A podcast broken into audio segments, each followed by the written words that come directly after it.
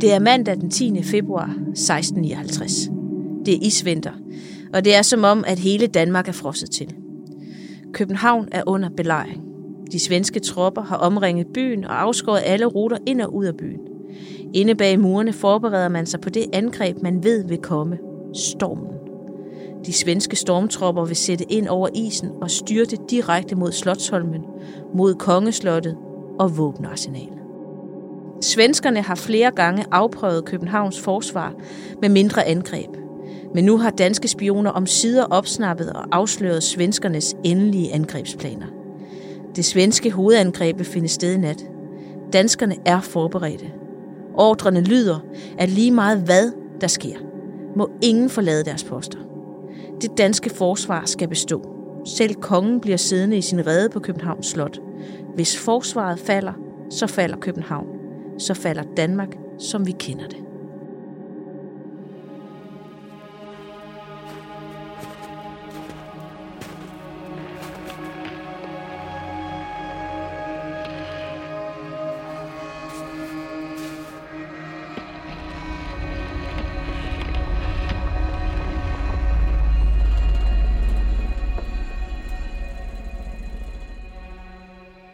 Velkommen til Varebergs Danmarks Historie. Mit navn er Jeanette Vareberg. Jeg er museumsinspektør, arkeolog og forfatter. Og i denne podcast vil jeg sammen med nogle af Danmarks dygtigste historikere, arkeologer og eksperter fortælle om de mest fascinerende ting i Danmarks historie, som du, kære lytter, skal kende for at forstå det samfund, som du lever i i dag. Og denne sæson kommer til at handle om de slag, der har formet Danmark. Danmark er i dag et lille land, der ikke gør så meget væsen af sig i det store udland. Vi er kendt som et lykkeligt folk, måske fordi vi har et ord for hygge. Det er nok de færreste, der tænker på Danmark som et krigsførende land. Men det er vi faktisk. Som medlem af NATO har Danmark deltaget i militære internationale aktioner. Når de danske jenser træner på kasernerne og drager ud i verden, er det for freden og friheden og for at beskytte de danske grænser fra Gæsser og Tønder til Torshavn og Tule. Tilbage i tiden så situationen dog anderledes ud. Det handlede om at gøre Danmarks landegrænser større og Danmark mere magtfuld. I denne sæson tager jeg dig med til forskellige tidspunkter i historien, hvor krigen rasede herhjemme, og til voldsomme slag og fredsforhandlinger, som på den ene eller anden måde har sat deres blodige aftryk i det danske land og formet det Danmark, vi kender i dag. Siden februar har vi været vidne til en modstandskamp lige midt i hjertet Europa. Alle kender konflikten og krigen, der udspiller sig i Ukraine, hvor civile og soldater har forsvaret sig mod en besættelsesmagt. I Danmark har vi også oplevet besættelse, blandt andet under 2. verdenskrig.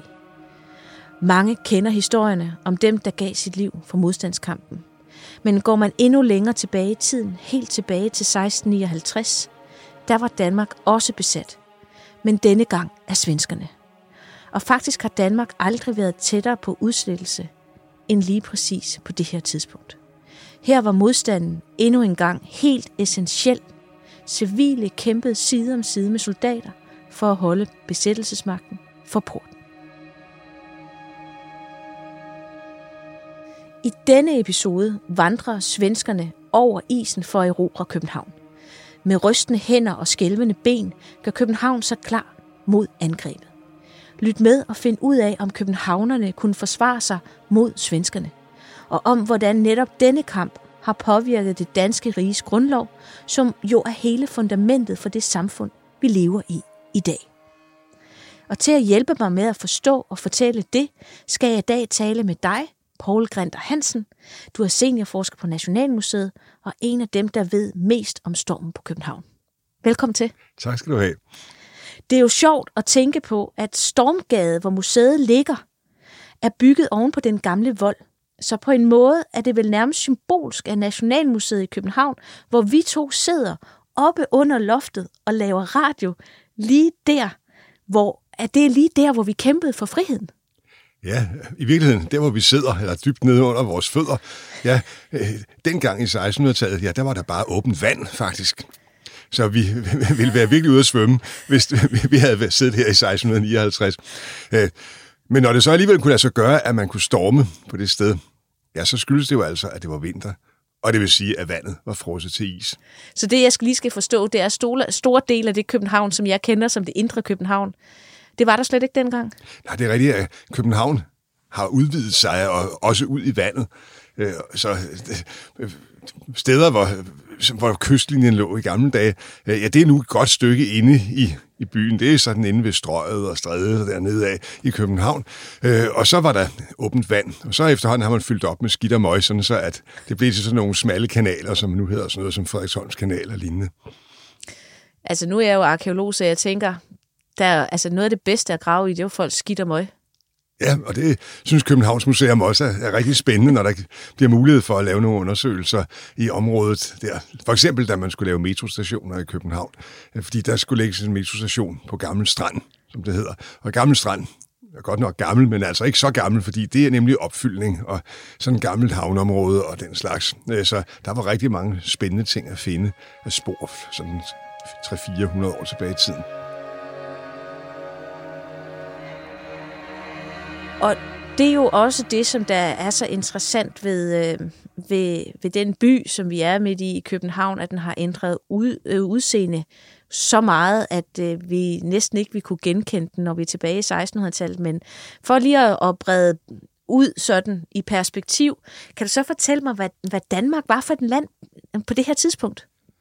Når vi er her i, i 1650'erne, så, så, så taler vi jo om, om Danmark, men i virkeligheden så skulle vi tale om Danmark-Norge, fordi det var jo i virkeligheden to lande, der, riger, der hørte sammen under den samme konge. Øh, så, og det var jo et, et, et stort rige. For, I, for Norge, som sagt, hørte var med, og det vil sige, sammen med Norge hørte jo så også øerne i, i Atlanterhavet, øh, i Færøerne, Island øh, og Øh, ja, Grønland vidste man ikke så meget om på det tidspunkt. Men, ja, men Christian den 4. han tænkte lidt på at komme derop af, ikke? Jo, jo, altså man havde, kunne godt, var jo godt klar over, at der var noget deroppe, og man sendte jo også ekspeditioner øh, nordpå. Men endnu var, det, var der ikke nogen øh, dansk eller nordisk bosættelse i, i Grønland. Så, så Grønland kan vi se bort fra, men, men Norge og Danmark, de, de hørte sammen. Og til, til Danmark, der hørte jo så altså, ud over det Danmark, vi kender i dag, også som en helt naturlig del Skåne, Halland og Blekinge, som jo nu om stunder er det sydlige Sverige. Det var det altså ikke dengang, og det havde det heller ikke været i mange, mange århundreder før. Det var sådan en gammel del af det danske rige. Og nu hedder jeg jo Varberg til efternavn og ja. jeg kommer jo fra Odense. Så gå vide, om jeg egentlig, min slægt stammer derop fra. Det skulle ikke undre mig, om du var sådan en god gammel østdansker fra Varberg i virkeligheden, eller havde sådan nogen, noget i dine gener. Det skulle ikke være spor usandsynligt. Godt, så det er egentlig et stort land, vi har med at gøre her. Men hvem er konge så? På det tidspunkt her, der hedder den danske konge Frederik den 3. Øh, og det er jo vildt indviklet med, med Danmarks historie, at man fra et vist tidspunkt gik over til at skifte mellem, at kongerne hed Christian og Frederik, øh, og, og så med de tilhørende numre. Og, det, og det, hvis man ikke lige er inde i systemet, så kan man jo godt blive meget forvirret. Det gør jeg hver gang. Man har jo indtryk af, at under Christian den 4., der er der penge nok. Hvad med under Frederik den 3.? Hvordan ser det så ud? Ja, se, øh, med Christian 4. er penge nok. Det, det er sådan en sandhed med modifikationer, fordi det startede så godt. Altså, jeg synes jo, han har jo bygget en del ting, når man kigger sig omkring. Det har han også. Og det gik også rigtig godt i de første årtier af Christian 4. regeringstid. Han havde arvet et rigt øh, og, og velstående Danmark fra sin far Frederik II. Og, øh, og, og derfor var der råd til at bygge fine huse og til alle mulige initiativer. Men så rodede Christian 4. sig ud i krig skal man altid passe på med, at han rodede sig ind i 30-årskrigen, som var sådan en, en stor europæisk konflikt med masser af kompetenter og herrer, der drog hervene på kryds og tværs. Og Christian IV synes, at han skulle være øh, protestanterne øh, forsvar og herfører. Og det, det gjorde han så, og det var ikke med stor succes, fordi Danmark led nederlag, og øh, dele af landet blev erobret og udplyndret. Øh, og derfra begyndte det bare stille og roligt at gå ned ad bakke, også med økonomien. Mm-hmm. Så øh, da Christian IV døde i 1648, ja, så var det faktisk et ret fattigt Danmark, han efterlod sig. Han brugte alle pengene? Ja, pengene var blevet brugt i løbet af de sidste 20-30 år af hans kongens regeringstid på fejlslagende krige og på at, ja, at rette op på nogle af de, de nederlag, som han var ude for. Så da Frederik den 3. så blev konge, i stedet for Christian 4., var det altså ikke stort rigt Danmark, han overtog, men det var faktisk et Danmark, som allerede var på vej ned ad bakke. Under den sidste af Christian 4. krige havde han lidt nederlag til svenskerne, og øh, havde måtte, netop på dit navn, Varberg, så Halland havde været, skulle så være væk øh, til, i svensk eje, jeg tror det var i 30 år. Altså, man havde måtte afstå nogle landområder, og det var jo øh, frustrerende for den nye konge, Frederik den 3. Det er klart. Men, men hvad er det så, der går så galt, at vi lige pludselig, som, som det jeg øh, fortalte i starten, at øh, svenskerne lige pludselig belejrer København? Hvad sker der? Ja, i virkeligheden så var det de der tidligere danske nederlag øh, og Frederik den 3. Øh, sådan utilfredshed med situationen, som førte til, at han indledte en krig mod Sverige. Det var altså den danske konge, der erklærede krig mod Sverige. Og det, havde han ikke lært af sin far? Øh, nej, det havde han så ikke. Han tæ- og han, han tænkte, nu udnytter vi situationen, fordi Sverige var nemlig i krig nede i Polen. Og der var, der var den da svenske konge og herrestyrker og så videre. Og så tænkte Frederik den 3. altid chance nu. De har hænderne fulde dernede. Nu vil vi sørge for at rette op på situationen. Og, og, men det skulle han altså ikke have tænkt, fordi svenskerne var egentlig ret trætte af at rende rundt og føre krig ned i Polen. Og så endelig kom der en god grund til at sige, nå, desværre, øh, det er ikke fordi, vi lider nederlag her i Polen, men vi bliver nødt til at tage os af danskerne. Og så flyttede man altså herstyrkerne i, i Ilmarsch op, og op igennem Jylland. Øh, og øh, det kom, til, kom noget bag på danskerne. Men hvad der kom endnu mere bag på danskerne ved den lejlighed, det var, at der var så koldt. Ja, det vidste man måske nok, men at det var så koldt, så bælterne frøs til is. Altså man kunne simpelthen, hvis man turde, vandre over både Lillebælt og Storebælt på isen. Øh, og det gjorde svenskerne altså. Det, det turde de? Det turde Det var meget dristigt at flytte øh, store herstyrker over de tilfrosne have. Ja. Men det gjorde svenskerne til stor overraskelse for danskerne. Jeg kan lige forestille mig, altså Frederik den 3., der sidder der og regner med, nu har han lavet en genial plan, og han sidder bare og krydser fingre for, at de selvfølgelig går igennem isen. Selvfølgelig gør de det. Han er jo Gud på sin side. Så, og, det, og så går de over. Altså det, der egentlig sker, det er jo, at vi har det, vi kalder den lille istid at, at vikingerne kommer til Grønland og bosætter sig der. Det er et varmeoptimum, som, som ligger før, at vi får den lille istid. Og, og, og den her vinter er vel en af de, de absolute nulpunkter, man har under den lille istid. Det blev jo voldsomt koldt. Jamen det var jo det. Altså, øh, det har man selvfølgelig nok øh, været klar over, at det blev koldt, og altså, at bælterne kunne fryse og sådan noget. Man havde bare ikke troet, at nogen ture går over isen. Så man regnede ikke med, at svenskerne ville forsøge sig med det. Øh, og derfor kom det helt bag på danskerne, at de gjorde det, og at det faktisk lykkedes, at svenskerne drog fra Jylland til Fyn, og så drog de fra Fyn ned over Langeland, og så over øh, isen til Lolland, og så videre op Lolland Falster, og så op gennem Sydsjælland. Og inden danskerne nærmest havde fået set sig om, øh, så nærmede de sig København. Danskerne sendte nogle, en, sådan en, en slæde med nogle forhandlere ned sydpå, og regnede med, at de sådan ville møde svenskerne et eller andet sted nede på Lolland Falster. Men i stedet for så mødte de altså svenskerne i stedet for Sydsjælland, hvor de allerede var rykket op. Øh, og der blev sådan, kan man vel roligt sige, panik i, Dan- i Danmark og i ledelsen. Hvad skulle man gøre? Og derfor endte man med at indgå en fredsaftale øh, på, i Højtostrup Præstegård. At dem plejer gerne at kalde det Roskildefreden, men altså, det foregik altså i Højtostrup. Øh, og der afstod Danmark, var nødt til at afstå Skåne, Halland og Blekinge, de gamle danske provinser øst for Øresund, til plus noget mere, også nogle dele af Norge, øh, til svenskerne, simpelthen for at få fred og for at redde Danmark. Så det var den første af disse svenske krige, som var der fra 1657 til 58.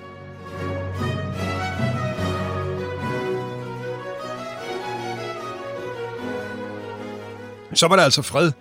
Danmark havde måttet afstå Skåne, Halland og Blekinge, og, og så var der ellers hyggelig social sammenkomst. Den svenske konge var til middag hos den danske konge Frederik den 3. op på Frederiksborg Slot, og man omgikkes venligt og hyggeligt osv. Og, og så kunne øh, den svenske konge Karl Gustav sejle tilbage til sine nye erobrede øh, landsdele, nemlig over til Helsingborg øh, i Skåne.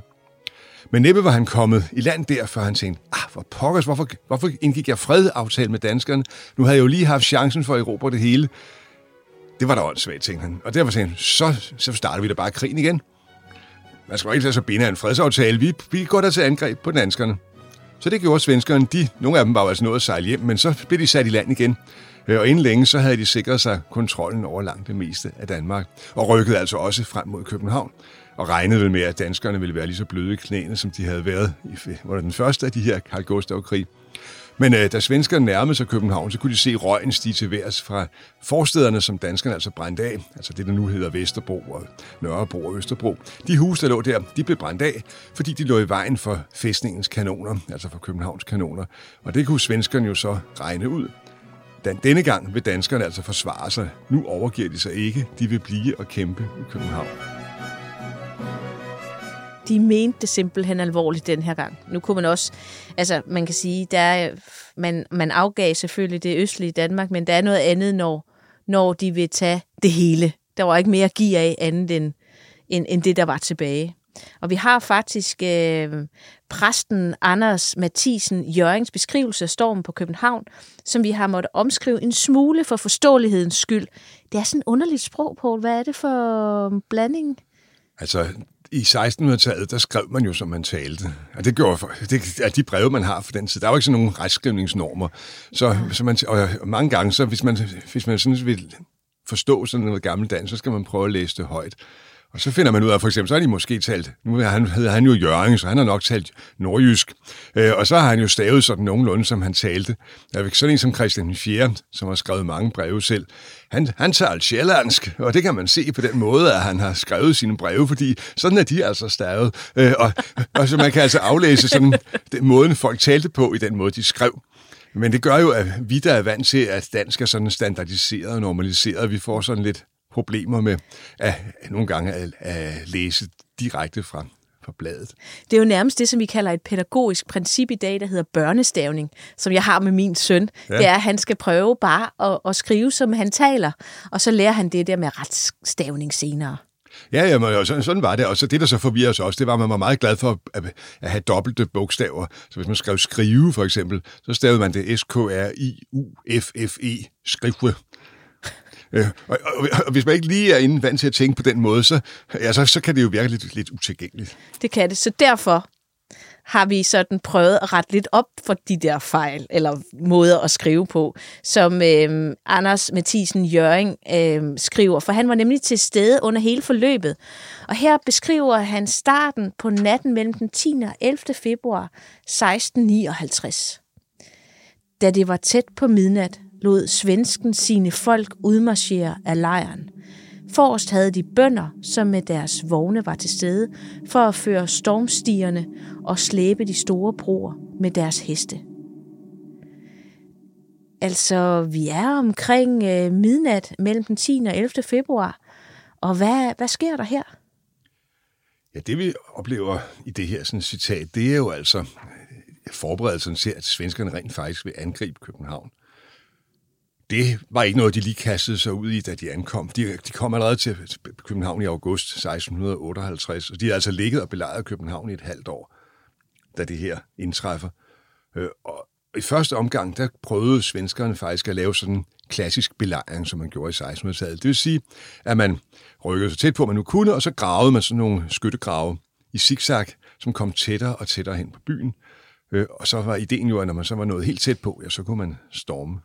Og københavnerne på deres side, de prøvede jo så at forhindre svenskerne i at komme så tæt på.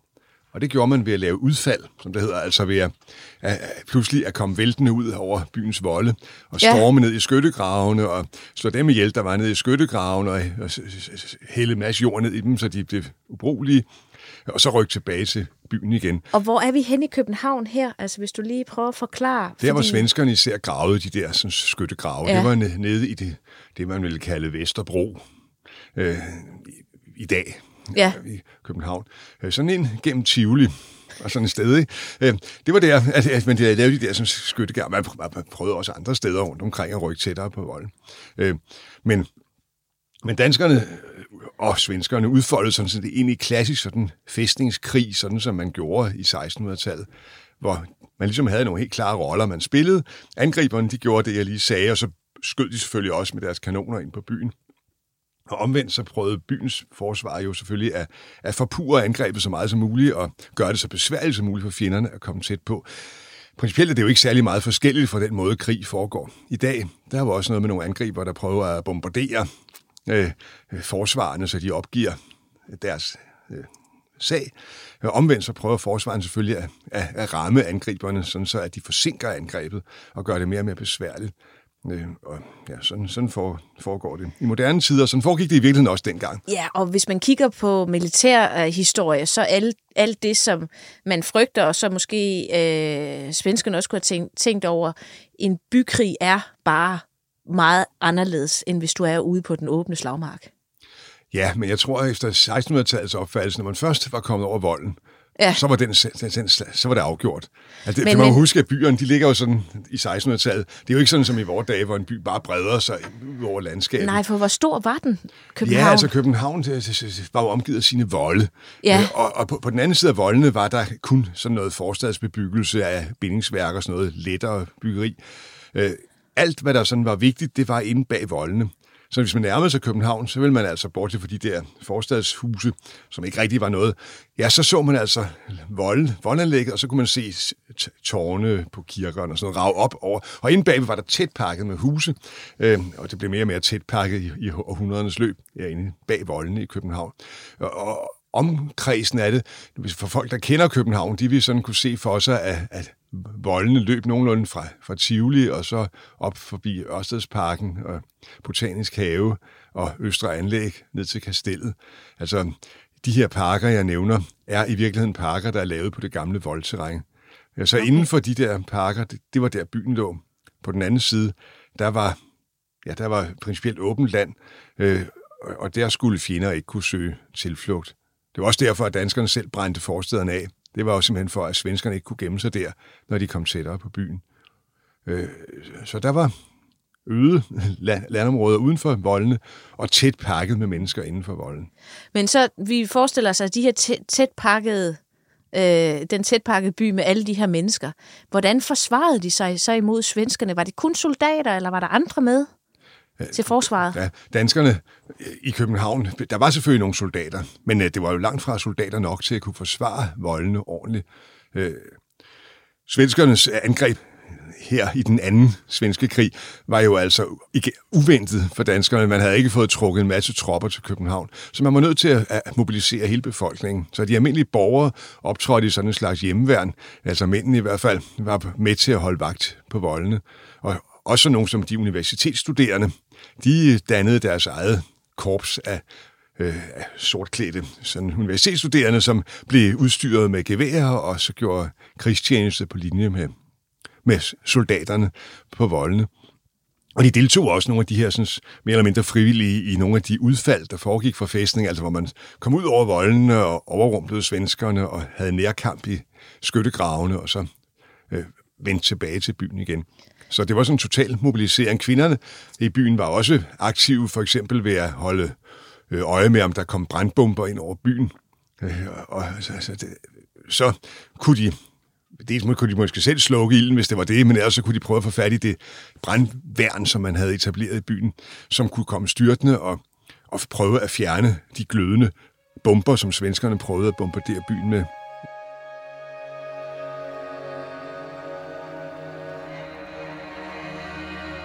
Og vi har jo faktisk også øh, øjenvidenberetninger. Altså, vi har jo den her præst Anders Mathisen Jøring, som beskriver hvor, netop, hvordan de her københavnere de møder svenskerne i kamp. Da svensken var så nær, at mange var inden for palisaderne hos os, begyndte folk for alvor med piker, det vil sige en slags lanse, musketter og andre fyrhaner. De kastede nogle små tønder ned blandt svenskerne, som var fyldt med håndgranater, krudt og bej, og dermed fik vi de små kanoner fyldt med skråt, som lå under volden lige på svensken. Vi fik igen drevet svensken af volden, og mange lå døde nedskudt ved volden. Paul, det lyder jo voldsomt. Kan du forklare lidt mere om det her, jeg hakkende prøver at forklare mig igennem? Hvad er det for nogle våben, de bruger, og hvordan bruger de dem? Det er sådan det, de bruger, er, er dels noget, som man bare kunne have for hånden, og som ikke var rigtige våben, men som man simpelthen bare var, kunne smide i hovedet på fjenden, fordi det var ubehageligt at få i hovedet. Altså bag for eksempel. Som, Hvad med natpotter? Men det kunne man som også bruge, men det er ikke helt så slemt. Det kan godt være, at man ikke kommer til at lugte så godt, men ligefrem livsfarligt er det jo ikke at få en natpot tømt over hovedet. Men øh, bag for eksempel var ikke særlig rart, fordi det var sådan en smeltet tjæremasse, ja. som klistrede, og, øh, og som kunne, hvis man nu havde smeltet det i store gryder og hældt det ned som man nogle gange gjorde, så ville det jo klistre til angriberne og være Så vil- rigtig vemmeligt og farligt. Så ville det jo smelte et ansigt som sterillys. Ja, ja, sådan nærmest ikke. Og så, hvis det så kombineres som her med, med krudt, øh, så, så kunne der også komme eksplosioner. Og, og det, det var altså noget, man kunne hælde ned i hovedet på, hvis der var nogen, der nåede så tæt på voldene, så de prøvede at klatre op af dem.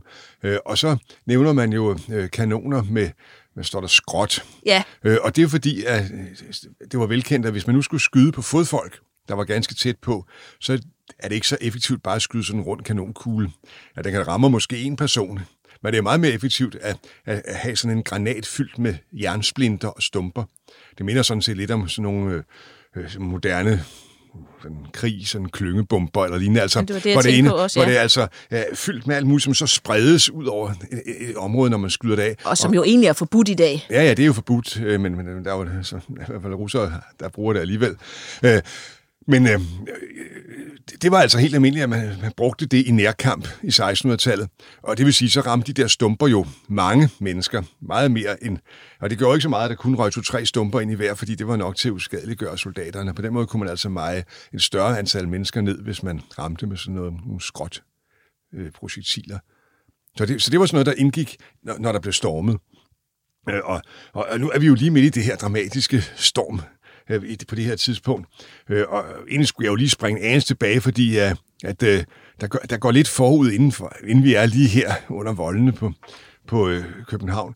Fordi uh, at, øh, jeg fortalte jo, at svenskerne gravede sig tættere og tættere på. Mm. Og så kunne man jo tro, at det var der, de stormede. Ja, under Tivoli, ikke? Jo, man havde hen gennem Tivoli og så videre, ikke? Tæt på. Men uh, det var faktisk ikke ved den lejlighed, at svenskerne stormede, for der skete noget, som gjorde, at svenskerne blev forsigtige og trak sig tilbage fra byen. Og det er, at København fik undsætning. Der kom simpelthen flere tropper til byen, og de tropper, der kom, det var hollandske søfolk. Og det skyldes, at Danmark var allieret med Holland og som var en stor søfartsnation dengang. Øh, og øh, de her hollænder, de havde ikke hjulpet Danmark ved den første øh, krig mod svenskerne, fordi alliancen galt kun, hvis det var, man blev angrebet. Her var det jo danskerne, der havde erklæret krig, så der kom ingen hollænder. Men i anden krig, der var det svenskerne, der havde angrebet, og derfor kom der en hollandsk undsætningsflåde, der kæmpede sig vej forbi Kronborg og den svenske flåde, som blev banket i Øresund.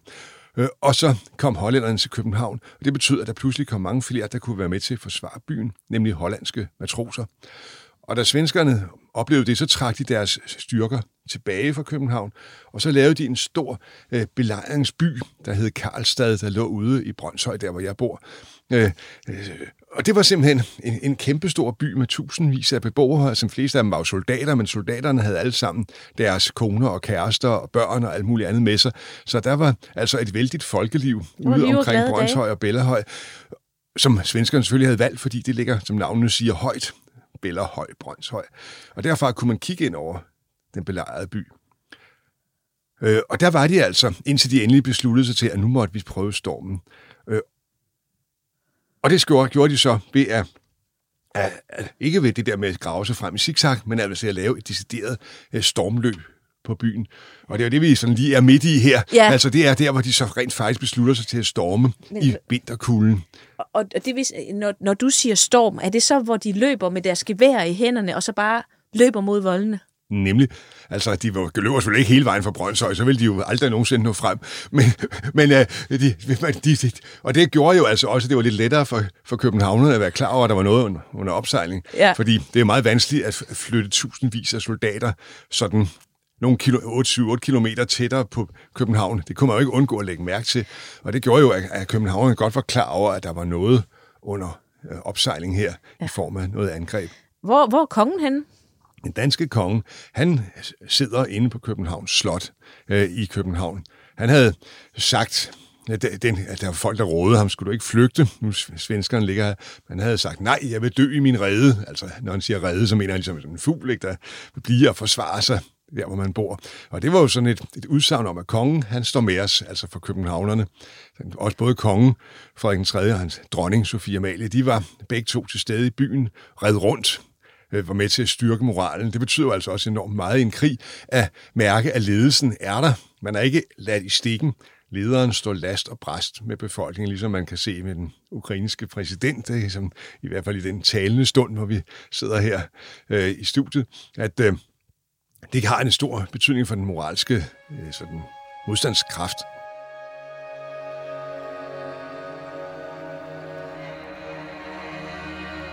Det er jo voldsomme billeder, men, men kan du ikke være lidt mere præcis på, hvis vi nu forestiller os, at øh, dig og mig, vi stiller os ned på volden den nat, hvor stormen på København øh, foregår. Hvad vil vi så se, hvis vi kiggede os omkring?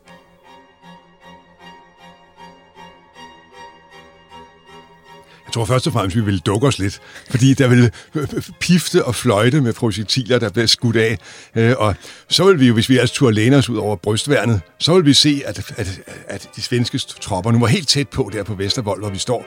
Øh, og, og stigerne begynder at blive øh, rejst op af, af voldens yderside, og svenske soldater kravler lynhurtigt op imod os. Og, og, og heldigvis strømmer der jo så også danske forsvarer hen imod svenskerne.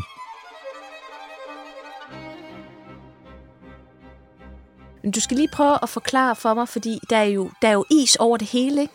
Det er jo en isvinter. Det er en isvinter, ja. Så, så lyset er anderledes, end hvis det havde været øh, sådan en smattet aprilnat eller sådan noget. Ja, og, og, og noget af det, der så også, tror jeg, har præget, og præger vores oplevelse, når vi nu forestiller os, at vi står der, det er jo altså sådan lysglimt på lysglimt, ligesom at, sådan, hvis der er blitz, der tænder, fordi at der var øh, eksploderende granater, der var øh, håndgranater, der eksploderede og sendte lysglimt, når de, når de sprang, øh, og der blev skudt øh, med, med glødende kugler, der fløj hen over hovedet på forsvarerne, og tilsvarende, så blev der jo skudt med ammunition, og for hver eneste gang kanonerne gik af, så kom der jo et kæmpemæssigt, dels et kæmpemæssigt drøn, og dels et kæmpemæssigt glimt, så det, er helt, så det, det har været sådan sådan fuldstændig sådan kaotisk verden af larm og lysglimt og råbende og skrigende folk og folk, der skreg, fordi de blev ramt af skud. Altså en, en, en, en frygtelig lydkulisse i virkeligheden, øh, som vi står midt i, hvis vi forestiller os, at vi står deroppe på volden.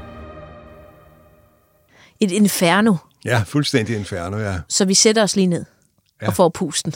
Hvordan har de så, altså når man så er der ved brystværnet, hvordan, øh, hvordan gør man så? Altså skyder man ud i, hvad man lige kan se, og prøver bare i blinde at hælde noget ned, eller kan man overhovedet se noget, tænker jeg? Nej, man har nok ikke skudt direkte på svenskerne på afstand på det tidspunkt, fordi de er så tæt ind under volden. Der kan man ikke komme til at øh, se dem og ramme dem særlig præcist med gevær. Men det måtte man vente med, til de kom så op. Hvis nu for eksempel kom nogen op over brystværnet, og det var der jo nogle enkelte, der gjorde, så kunne man jo enten stikke dem ned med spyd, eller man kunne selvfølgelig også skyde dem med gevær, når de kom. Så kunne man ane silhuetten der mod nattehimlen formentlig. Øh, og ellers så var, så var det det, der gjorde størst indhug i svenskerne. Det var nok de kanoner, der stod sådan det mere lavt placeret, og som skød på dem øh, sådan nede i jordhøjde, hvor man så kunne ramme en hel masse soldater. Det har virkelig været, det har været svært at bevare overblikket over, hvad der foregik. Det har været kaos. Det har været kaos, og der var også ting, der, der gik galt for svenskerne midt i det der kaos, fordi det var nærmest et tilfælde, men svenskerne havde aftalt, at når de første svensker var kommet op på volden, så skulle de skyde en raket til værs, sådan så at svenskerne, der ventede i reserve bagved, kunne se, at nu er vi op på volden. Øh, men uheldigvis, for svenskerne havde danskerne også aftalt, at når svenskerne stormede, så skulle man skyde en raket af for at advare. Her stormer svenskerne. Men svenskerne de så altså raketter gå til værs og tænkte, nå for pokker, nu er vi altså over volden, nu sender vi reserverne frem, og så styrtede svenskerne efter de andre, og lige ind i den dødsfælde, som de andre altså var gået i. Det var også uheldigt, men, men vi er glade for det i dag, trods alt. Ja, det må man sige.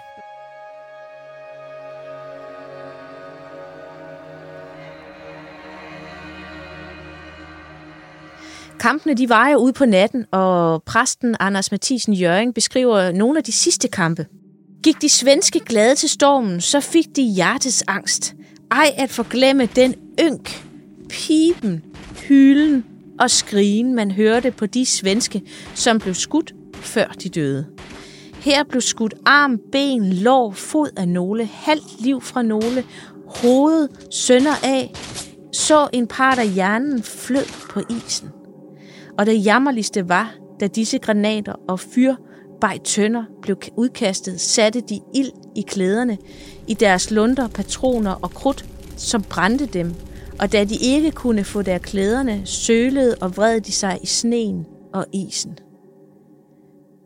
Hvad er det her, vi, vi er vidne til her? Det er jo en meget realistisk skildring af, hvordan det egentlig er. Fordi nu, man har så mange forestillinger om den der, sådan, de helt modige med krig og, og de tabre helte og sådan noget. Det kan jo godt være rigtigt, men det er jo i bund og grund uhyggeligt og øh, uhygge og elendighed og ødelæggelse, og det får for vores øjnevidne her skildret meget godt, fordi det var jo lige præcis, hvad der skete med de her svenskere, der stormede øh, København. Øh, de stormede jo, som vi tidligere var inde på, hen over den tilfrosne hav her, hvor vi sidder i studiet i det, der nu hedder Stormgade. Øh, og grunden til, at de gjorde det, det var, at der kunne de komme meget, meget tæt på hjertet af København, hvor, den, hvor kongen var, altså med, med Slottholmen. Øh, og det har de vel troet, svenskerne, at dermed ville de sådan ligesom med et kup overtage kontrollen med København. Det lyder også bekendt. Ja, ikke også? Det, det kender man jo godt, ikke? Øh, og, og, og, og ligesom det også, man også kan, kan møde andre steder, så viser det sig, at de måske har forregnet sig. Og det har svenskerne helt klart, fordi danskerne var blevet klar over, at det var her tyngdepunkt, det angrebet ville finde sted. Og derfor havde man sørget for, at der var mange flere øh, folk og mange flere kanoner stillet op, end svenskerne var klar over. Og det var det, der resulterede i, at de blev massakreret på den måde, som kilden lige beskrev. De blev simpelthen meget ned på isen, her hvor de kom stormende frem mod hjertet af og København. Og hvordan ender det så? Ja, altså for, for svenskerne bliver det et katastrofalt nederlag. Øh, der er kun ganske få svenskerne, der når at komme op på volden overhovedet. Og dem, der når op på volden, de bliver straks stukket ned. Vi har på Nationalmuseet et, et spyd, som blev brugt af en af de danske officerer, der stod på volden på, Vester, på Vestervold. Øh, han hed Alefeldt.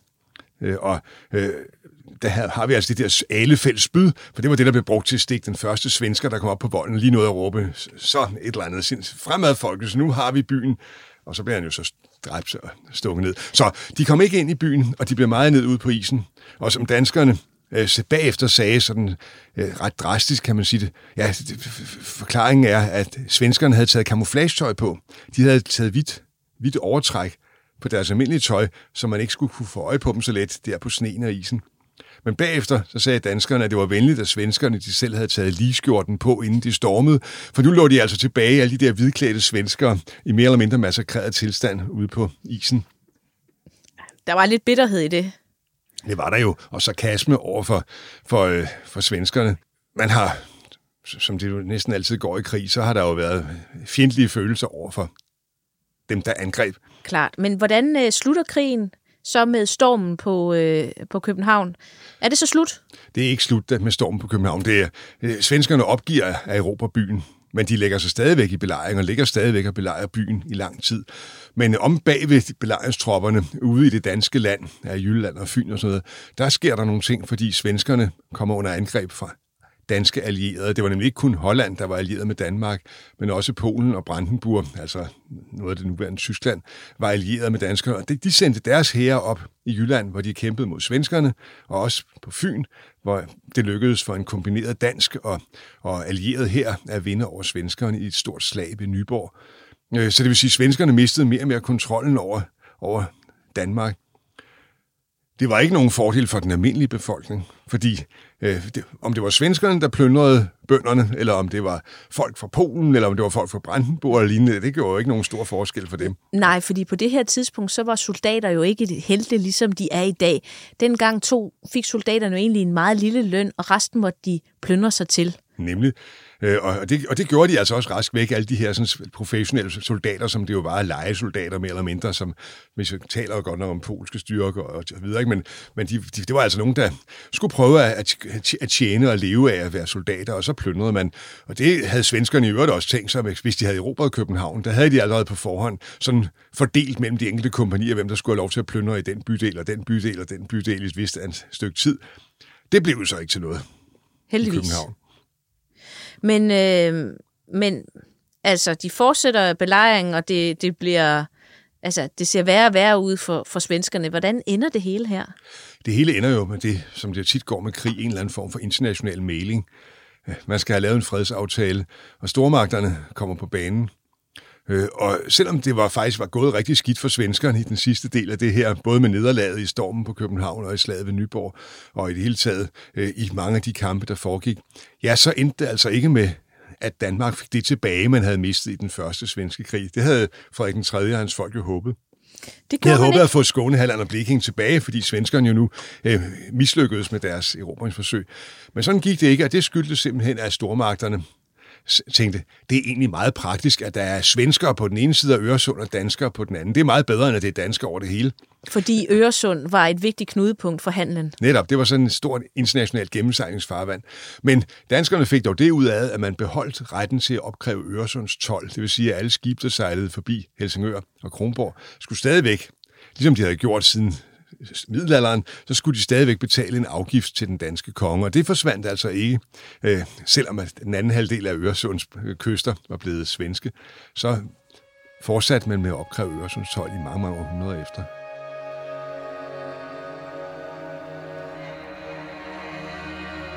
Og hvad så med Frederik den 3., som jo startede med en, som, som en fattig konge, der så sit snit til at lige hurtigt og, og sætte øh, svensken på plads? Ja.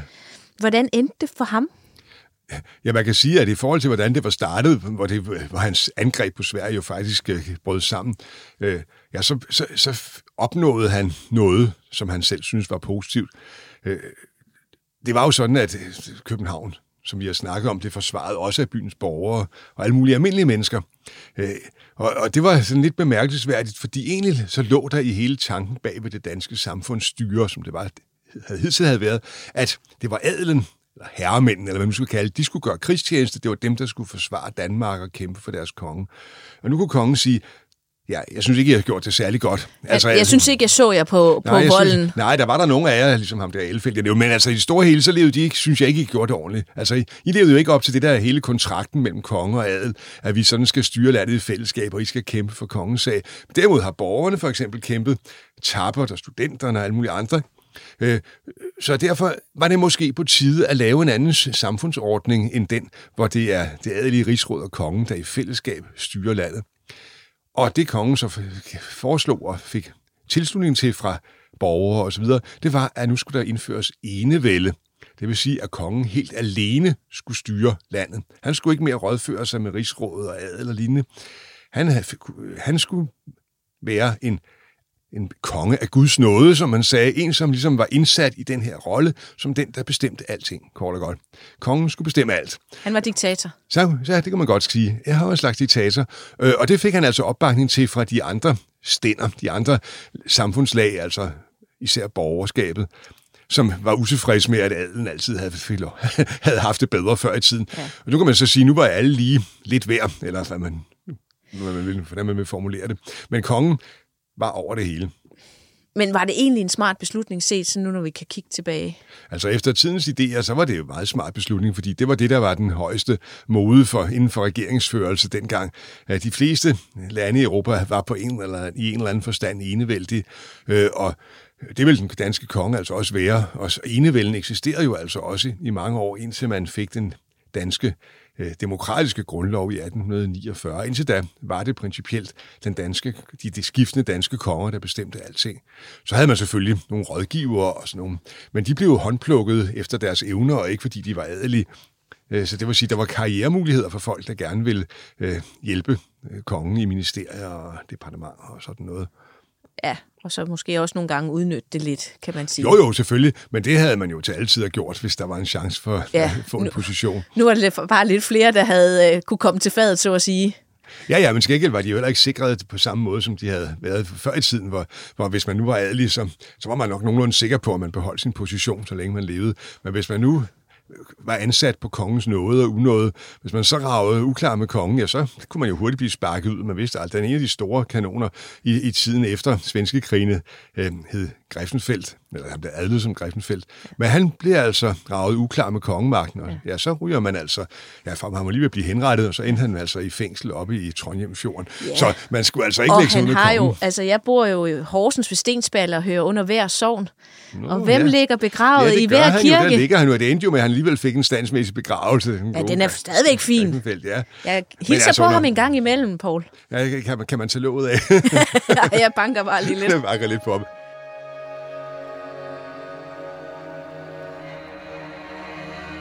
Kongen blev enevældig, øh, og, og, og ja, det gav nogle nye muligheder. Øh, men det gav selvfølgelig også nogle, nogle andre spilleregler i hele samfundet.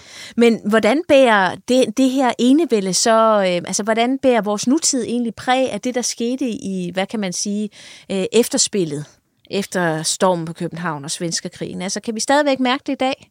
Udover at vi har en vej hernede, man kan godt sige, at, at uh, enevældens indførelse, som jo som en følge af, indirekte følge den der svenske krig, at, uh, at den, den førte jo til et opbrud i, i nogle dele af det gamle standssamfund om en eller anden form for øget mulighed for at komme op af i samfundet for folk, uh, som ville uh, gøre en karriere gennem deres egne evner, og ikke så meget gennem, at de var født til noget bestemt. Man har jo ikke tale om noget som helst form for demokrati, for det, det samfund, vi lever i i dag, det er jo netop en reaktion mod enevælden. Et opgør mod den tanke, at det er kongen af Guds nåde, der ene skal bestemme, hvad der skal ske. Øh, det er indførelsen af, af grundloven i 1849, øh, som så starter det samfund, vi kender i dag. I, i, ganske vist, hvis man læser den danske grundlov, så kan man jo godt se sporene fra enevældens tid, fordi der står jo i grundloven, at, at kongen bestemmer, og kongen gør det ene og det andet. Øh, det gør dronning Margrethe jo ikke på den måde. Men det var sådan ligesom øh, den måde, man var vant til at formulere sig, da man skrev grundloven første gang i 1849. Man skulle lige øve sig på at være demokratisk. Ja, ja, man skulle lige, altså, det var, der var lavet, blevet lavet en, demokratisk ja. beskrivelse af processerne og sådan noget i det, men, øh, men man, man kommer ikke væk fra det der med, at, at, at, at, at kongemagten har noget politisk øh, indflydelse, og det, det er der jo ikke mere i dag, men alligevel lidt, fordi det er jo stadigvæk sådan, at man har en dronningerunde. Hvis der skal udnævnes en ny regering, så skal alle jo op til, til dronningen og præsentere ministerier og så videre. Øh, så øh, i Danmark, i modsætning til nogle af de andre kongedømmer i Europa, der er det jo stadigvæk sådan, at der er en eller anden øh, rolle også for kongemagten i det politiske spil, selvom det er demokrati. Og der er også, altså kan du forklare arvefølgen lidt mere? Ja, altså arvefølge, det betyder jo, at at når der er en kongelig, der dør, så er der, går det ligesom mere eller mindre automatisk i arv, øh, det her med, med kongemagten til, til, til næste generation. Ja. Så man, øh, man, man fastholder det udemokrati- ja, det, den del, det er det rigtigt, fordi det, det vil sige, før enevælden, øh, der, der var det et valgkongedømme, det vil sige, at, at, at den, den næste konge blev valgt af, af rigsrådet, af det adelige rigsråd. Der var bare tradition for, at man tog den ældste søn af den tidligere konge, men kongen skulle indgå en kontrakt med adelen og love at holde på det ene eller andet og tredje. Det var det, man kaldte en håndfæstning som skulle ligesom låse kongens hænder, så han ikke bare regerede uden øh, at sig efter adelen. Øh, det forsvandt så ved enevælden, og, og, og, og, det, og der fik man altså også den der helt automatiske affølger. Det var ret i, og det er jo sådan set det, vi stadigvæk har, bortset fra, at man ændrede øh, på tronfølgerloven i 1953 ved grundloven der, sådan så at, at kvinder altså også øh, kunne blive regenter. Det havde man ikke kunne før. Ej, og det manglede der bare. Ja, ja, det må man jo sige. Men altså, hvilken betydning øh, har stormen på København for Danmark? Først og fremmest, at der er noget, der hedder Danmark. For ellers havde vi siddet her og talt svensk til hinanden måske. Det ville alligevel, til trods for mit dejlige altså... efternavn, så ville ja. det alligevel være lidt skræmmende måske. Betyder det så, at vi ikke har haft noget Danmark i dag? Ja, hvis, hvis det var gået sådan, som det meget vel kunne være gået, så havde Danmark været en, en svensk provins. Øh, der måske været sådan Sjælland og, og Jylland var sådan en anden del af Sverige. Det er meget sandsynligt, at der slet ikke havde været noget dansk rige. Øh, og helt formentlig havde Norge også været en del af Sverige. Så havde der været et forenet Norden under svensk overherredømme. Og så havde øh, Nordatlanten med rigsfællesskabet, det havde så været et rigsfællesskab med Sverige? Ja, så havde Grønland været svensk. Så det var vigtigt, at de holdt den, den vold den nat. Det havde virkelig store konsekvenser, at det lykkedes at, at slå det svenske angreb tilbage. Kan man sende et kram tilbage i tiden til 1600-tallet? Øhm, ja, det kan vi jo godt gøre, altså det rent åndeligt i hvert fald. Og, og, og tænk på dem, der altså stod der og forsvarede København. En, et tværsnit af hele byens befolkning. En var, masse almindelige mennesker. Det var godt gået. Det var ret godt gået, ja. ja. Kan vi lære noget af historien i dag?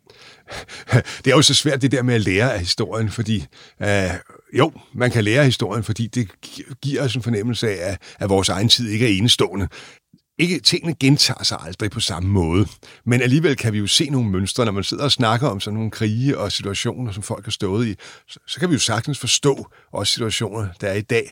Det er ikke så langt fra. Øh, og og man, man kan vel også sige, at, at vores egen verden er jo ikke noget, man bare kan tage for givet og sige, nå ja, men selvfølgelig, vi bor i, i et trygt og fredeligt Danmark, og vi er sikkerhed, at der aldrig har været nogen trusler mod os eller lignende. Det må man bare sige. Historien har vist os, det kan der altså godt være.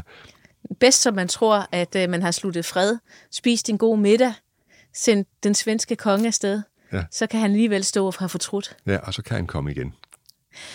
Jeg har i hvert fald øh, fået et helt andet blik på det København, jeg arbejder i. Jeg synes, der er noget helt magisk ved at gå igennem øh, det indre Københavns gader, og så se de her ting ske for øjnene af mig. Og jeg synes, det, altså, Stormgade er for mig et rigtig godt eksempel på, at man cykler derhen, man går under balustraden, øh, søjlerne øh, ved Nationalmuseet, og jeg tror, det er de færreste, der tænker på, at lige præcis her på isen har der ligget spredte lige af faldende soldater, der var iklædt ligskjorten for at snige sig op. Og at lige præcis her, så lykkedes det københavnerne at holde deres by. Det er da en fantastisk historie at gå med. Tusind tak, fordi du ville være med i dag, Paul Krinter Hansen. Velkommen. Det var en fornøjelse. Tak.